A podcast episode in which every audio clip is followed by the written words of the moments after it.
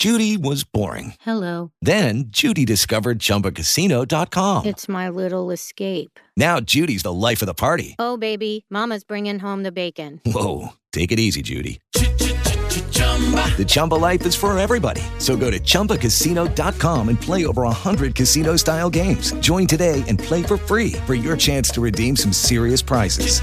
chumba ChumbaCasino.com. No purchase necessary. Void where prohibited by law. 18 plus terms and conditions apply. See website for details. بودكاست سكاي نيوز عربية Play TechCast. تك كاست مع عمر نور الدين تنفيذ وإخراج زاهر رشماوي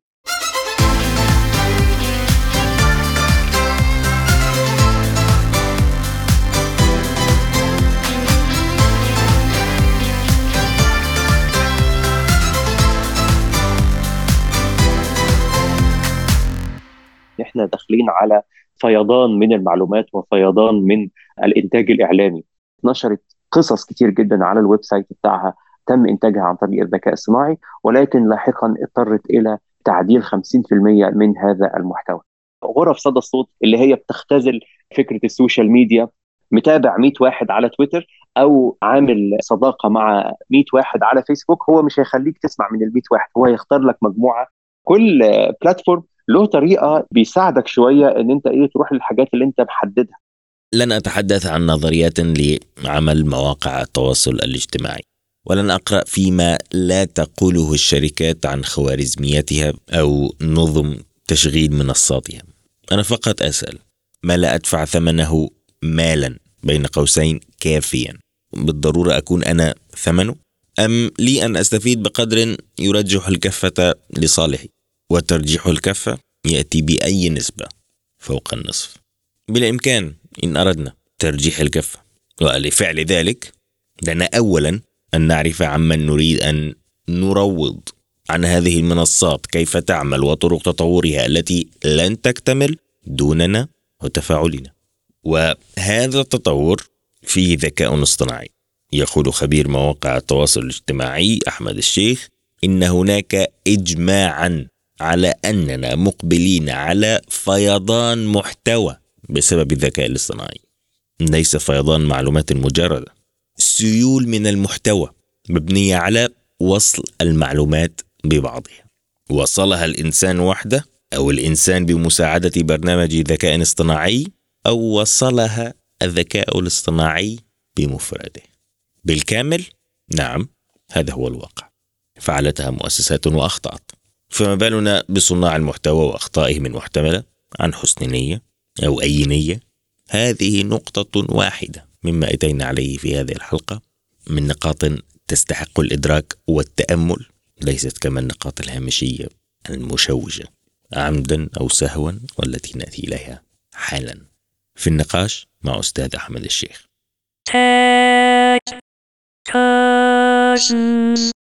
كل الناس اتفقت في كل الفعاليات اللي أنا بحضرها إن التغيير أو التغير مستمر. يعني الطريقة اللي بننتج بيها الإعلام من عشر سنين غير اللي بننتج بيها دلوقتي غير اللي هتكون عليه بعد عشر سنين أو حتى بعد خمس سنين. والتغيير في استقبال المحتوى الإعلامي هيتغير برضه ولكن في حاجات كتير جدا فيها آه، كثير من المعلومات الخاطئة وكثير من المبالغة. وبالتالي لا شيء مفزع لا شيء آه، يعني وكأنه نزل من السماء آه، فجأة ظهر. لا هو التغيير موجود طوال الوقت. آه هو التغيير موجود ولكن في بعض الناس بتتفاجئ لأن هي مش بتكون متابعة الموضوع بشكل كويس. مم. إحنا عندنا منتجين المحتوى دول زي ما أنت قلت هم يعني منقسمين إلى مؤسسات وأفراد. ولكن مع التغير التكنولوجي هتلاقي إن في تلاشي لهذه الحدود بدليل إن أنت لما ظهرت فكرة إنتاج ال- التقارير التلفزيونية أو المحتوى بالهاتف ال- المحمول البعض كان متخيل إن ده هيقتصر على الأفراد ولن يصل إلى المؤسسات على اعتبار إن المؤسسات عندها استديوهات وعندها آه، معدات كبيرة كاميرات وماكينات آه، مونتاج وحاجات كده. ولكن ال- اللي حصل إن المؤسسات الكبرى بدأت تنتج بالتليفون المحمول وبالتالي أصبحت المؤسسة والفرد بيستخدموا نفس ال- الوسيلة. وده اللي شايفينه دلوقتي وده اللي هيستمر وهيتطور في المستقبل. ولكن المؤسسات خصوصا في بريطانيا والغرب دلوقتي المؤسسات التي تبنت أنظمة الذكاء الصناعي هي عاملة آلية لهذا الموضوع إن مش كل الحاجات نستخدم فيها ذكاء صناعي وإن لو استخدمنا ذكاء صناعي لازم نوضح للجمهور إن إحنا مستخدمين ذكاء صناعي وإن المحتوى الناتج عن الذكاء الصناعي لابد من تدقيقه قبل نشره وبالتالي يكون المسؤول عن النشر هو شخص صحفي وليس مجرد تول وليس مجرد يعني نظام مبرمج.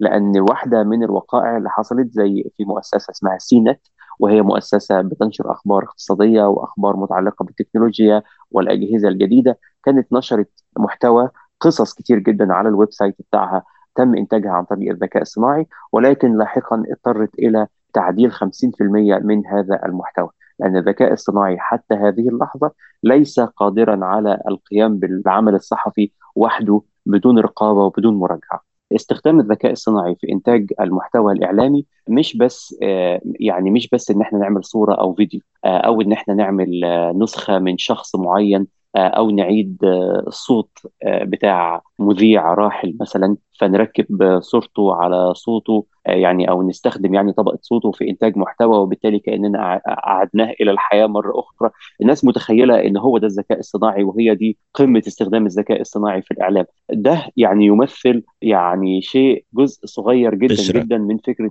آه بالظبط فكرة يعني حاجة صغيرة جدا جدا من استخدام الذكاء الصناعي في الإعلام وحاجة أساسا غير مرغوبة أنا لا أشجعها يعني. آه لأن هي بتفتح باب كتير للأخطاء و... وأنا مش مستمتع بصراحة بفكرة إن أنا أسمع نشرة جديدة بصوت واحد قديم. أنا يعني أنا كمشاهد يعني مش عجباني الفكرة مش مش مستمتع بيها بصراحة يعني. الناس متخيلة إن هو ده الذكاء الصناعي. لا ده أنا بس عايز أوضح إن استخدام الذكاء الصناعي في إنتاج المحتوى الإعلامي هو زي استخدام الكمبيوتر من 20 30 سنة. فهي دي القصة إن زي ما تحولنا من الأوراق والشرايط إلى الكمبيوتر فبنتحول دلوقتي من الكمبيوتر إلى نظام كمبيوتر زائد ذكاء صناعي.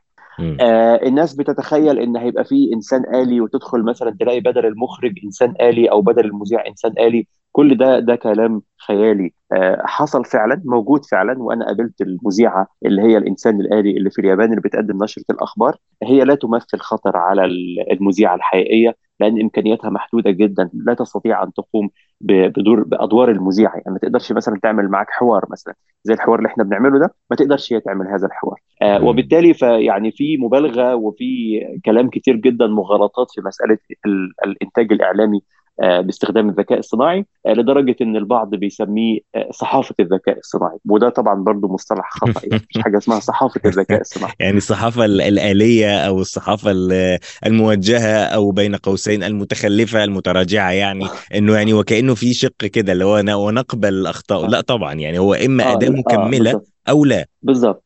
هو التعبير اللي أنا بستخدمه هو استخدام الذكاء الصناعي في الصحافة.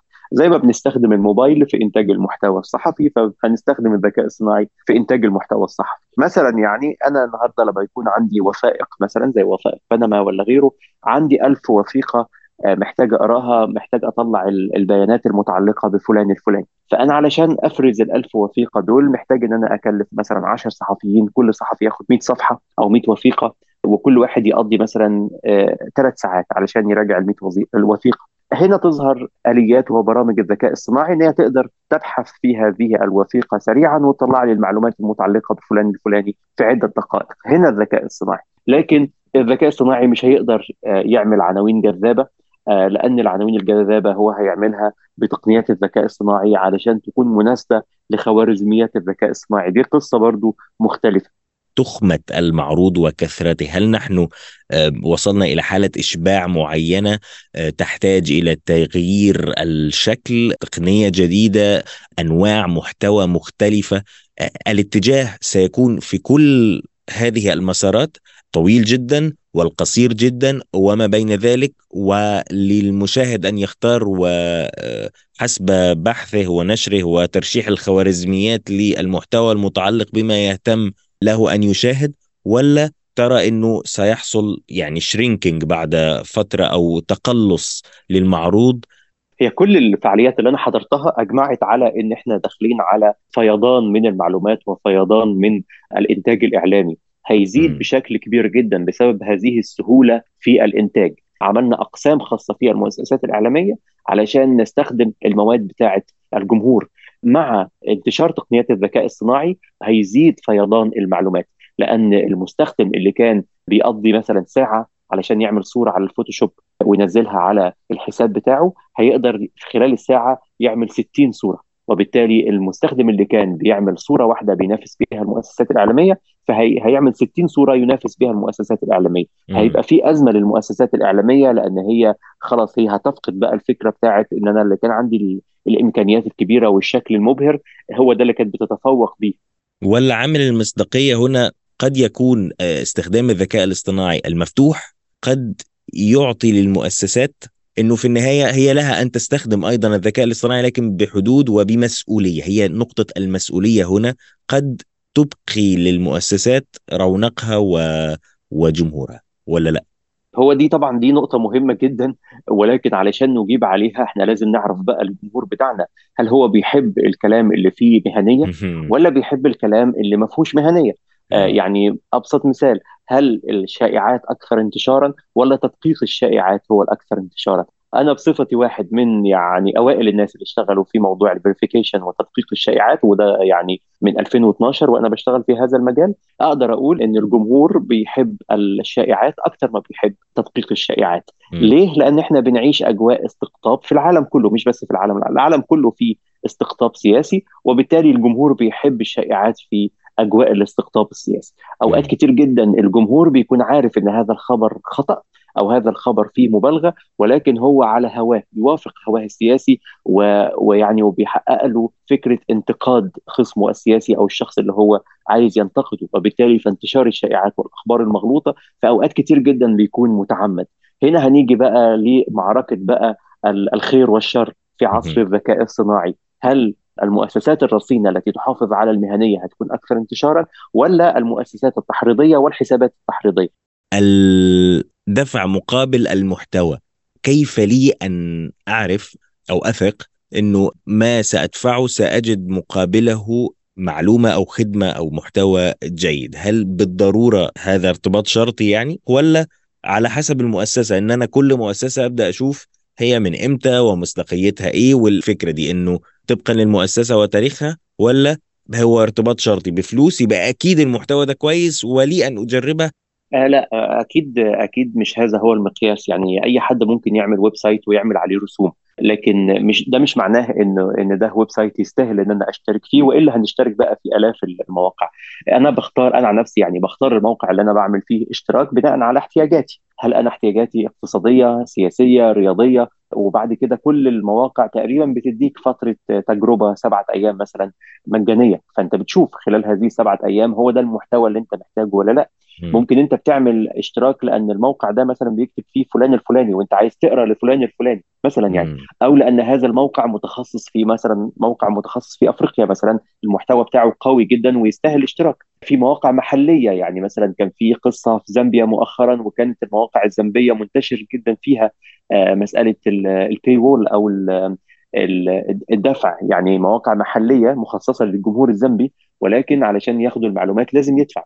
فأنت بتبقى أنت اللي بتختار. يعني مش مش مش علشان هو بفلوس يبقى موقع يستاهل الاشتراك لا أنت بتختار أنت حسب احتياجاتك يعني. وبالتالي الخطر جاي بقى على المواقع اللي هي المحتوى بتاعها ضعيف اللي هي مش قادرة تاخد قرار إن هي تخلي ال website بتاعها بفلوس أو مش قادرة تاخد أو هي شايفة إن المحتوى أو الإنتاج بتاعها ضعيف أو نسبة الزيارة بتاعتها ضعيفة هو ممكن يكون الموقع مجاني وفي نفس الوقت يكون مفيد وفي مواقع كتير بهذا الشكل. آه فمش مش كل المواقع المجانية مش مفيدة ومش كل المواقع المدفوعة مفيدة. ولكن مع وجود ChatGPT ومع التحديثات اللي بتحصل فيه كل شوية إن المعلومات ما بتبقاش قديمة إن بيحصل فيها تحديث إن ChatGPT وأمثاله يعني هيكون خطر كبير جدا على المواقع وعلى وسائل الإعلام اللي هي مش قادرة تقدم موقع يجذب الجمهور إليه.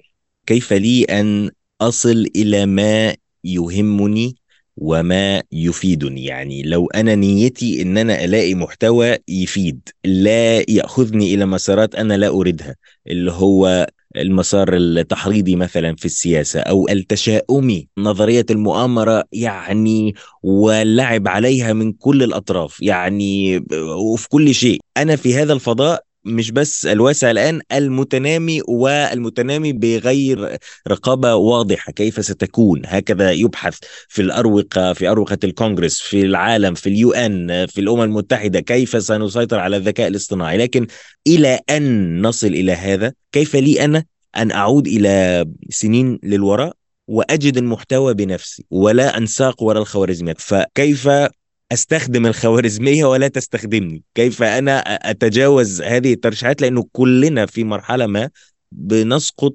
في أسر ال timeline كيف لنا أن نضبط هذا الأمر؟ أنت بتعمل إيه أستاذ أحمد؟ في شيء عملي إزاي؟ action plan إيه يعني؟ أول حاجة لازم نفهم إن في نظريات في هذه الجزئية. يعني هذه الجزئية ليها نظريات إعلامية. بتقول إن في ناس كتير جدا بتصدق أي حاجة تيجي من على الإنترنت أو أو بتكذب أي حاجة تيجي من على الإنترنت. دي نظرية يعني. آه نظريات حدية قطبيه يعني يا يمين قوي يا شمال قوي أبيض آه أو أسود. بالظبط بالظبط. فمهم جدا إن إحنا نعرف إن ده آه، منتشر وسط الناس. يعني في ناس كتير جدا لما تساله على الخبر يعني أنت جبت الكلام ده منين فيقول لك من الواتساب أو من الفيسبوك أو من جوجل. هو متخيل إن دي مصادر أخبار موثوقة على إطلاقها وكأن جوجل ده مصدر وكأن واتساب مش أنهي group مش أنهي شخص مش أنهي مؤسسة. لا ده هو من التطبيق. آه، بالظبط. زي برضو لما حد يقول لك ده عملته بالذكاء الصناعي. على فكرة هي نفس الغلطة. انت ما عملتوش بالذكاء الصناعي انت عملته بتطبيق اسمه كذا. فالمفروض تقول أنا عملته بالتطبيق الفلاني مش بالذكاء الصناعي لأننا بنفس النظرية برضو لما نسأل عن معلومة ما تقولش أصل جبتها من الإنترنت. لا الإنترنت ده بحر كبير جدا. مفيش حاجة اسمها جبته من الإنترنت. مم. لازم نقول أنا جبته من الموقع الفلاني. فنفس النظرية برضو فعشان كده بقول لك هي نفس الحاجات بتحصل ولكن نسخة الذكاء الصناعي نفس الأخطاء نفس المميزات نفس التطور ولكن نس... إحنا دلوقتي في نسخة الذكاء الصناعي. م. طيب نعمل إيه علشان نستفيد من الإنترنت؟ في كل حاجة ليها طريقة إن إحنا نقدر نستفيد منها. على سبيل المثال لو أنت بتدخل على تويتر هتلاقي إن تويتر نفسه بيدي لك اختيارات. في اختيارات في column كده أو feed يعني feed بيدي لك الترشيحات بتاعه تويتر وفي feed للحاجات اللي انت عامل لها follow انت كمان انت ممكن تتجاهل الترشيحات بتاعه تويتر وتشوف بس الحاجات اللي انت عامل لها follow ممكن عشان تكون محدد أكتر تعمل list مثلا يعني إن أنا عندي list مثلا مهتمه بال social media أو مهتمه بالأخبار السياسية أو بالاقتصادية فأدخل على هذه ال list فقط مثلا يعني. فكل platform له طريقة بيساعدك شوية إن أنت إيه تروح للحاجات اللي أنت محددها. ممكن على فيسبوك مثلا تختار see first مثلا يعني. فتختار هذه الصفحة إن أنا أشوفها مثلا يعني. م. في حاجات كتير يقدر تقدر تعمل لها حاجات مفضلة. في websites بتديك فكرة ال newsletter إنك تشترك معاهم فكل يوم الصبح يبعت لك الأخبار من عنده هو فقط. فيبقى أنت خلاص بدل ما بتجي لك الأخبار من كل الدنيا أو بتقرأ الأخبار من كل الدنيا تقرأ الأخبار فقط من هذا ال website. وبالتالي فالإنترنت زي ما هو بحر كبير أنت عندك القدرة ان تستخدم هذه ال features أو الخصائص اللي بتوفرها المواقع المختلفة إنك توصل للمعلومات بتاعتك فقط. مهم جدا إن أنا كمان أكون محدد نفسي أنا بتابع مين أنا بسمع كلام مين. لأن في مليارات المستخدمين لل social media. هل أنا هسمع هؤلاء المليارات؟ الفيسبوك نفسه أو ال social media نفسها كل ال social media network هي أساسا مش بتخليك تسمع للناس كلها هي بتختار لك مجموعة ناس علشان تخليك تسمع منهم. حتى لو انت مثلا متابع 100 واحد على تويتر أو عامل like أو صداقة مع 100 واحد على فيسبوك هو مش هيخليك تسمع من ال 100 واحد. هو هيختار لك مجموعة هو اللي بيختارهم لك. يعني هو بيختار لك انت تقرا لمين أو انت تسمع لمين. فانت لازم تكون مستوعب ان مفيش حاجة اسمها الناس كلها على ال social media بتتكلم عن كذا. دي برضو حاجة من الأخطاء بتقع فيها بيقع فيها حتى ناس من الصحفيين يقول لك أصل الترند النهارده عن كذا. آه هو مش قصده وكأن صناعة الترند هذه يعني تلقائية حقيقية ليس فيها حسابات وهمية وحسابات موجهة و و و و بالظبط. وخصوصا إن هو كمان ممكن يكون مش بيتكلم على تويتر اللي هو أو إكس اللي هو معروف باختيارات الترند اللي هو بيطلع لك الترند لا. هو بيتكلم كمان على فيسبوك اللي هو أساسا كان في موضوع الترند ده كان زمان كان موجود وكان موجود في بعض الدول هو دلوقتي مش موجود.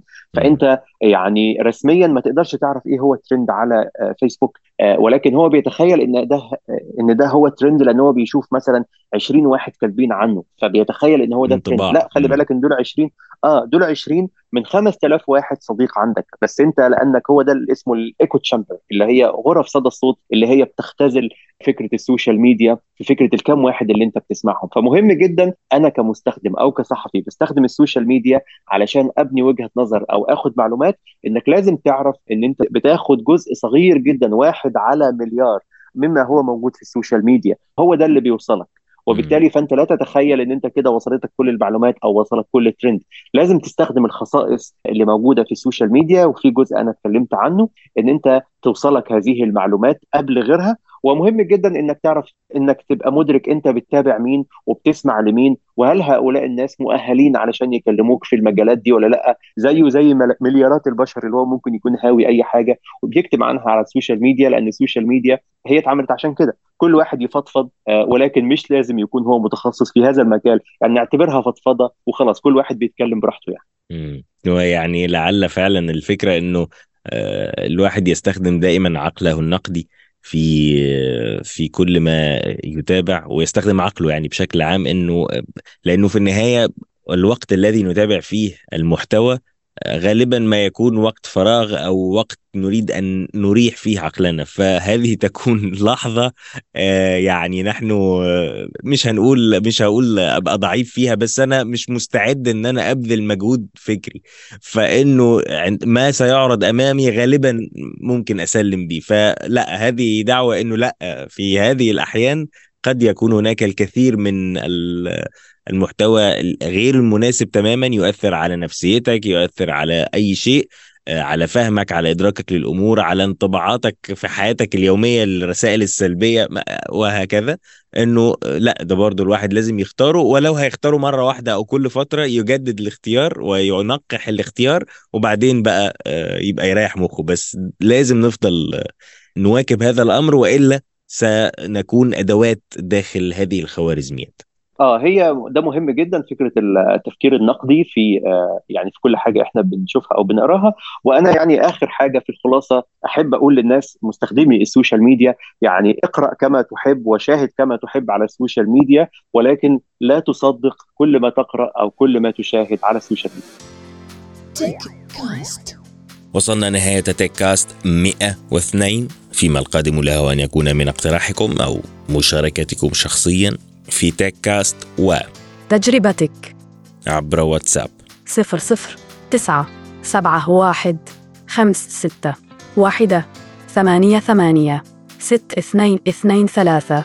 أو إيميل podcast at skynewsarabia.com لتيك كاست أو أي من بودكاست سكاي نيوز عربية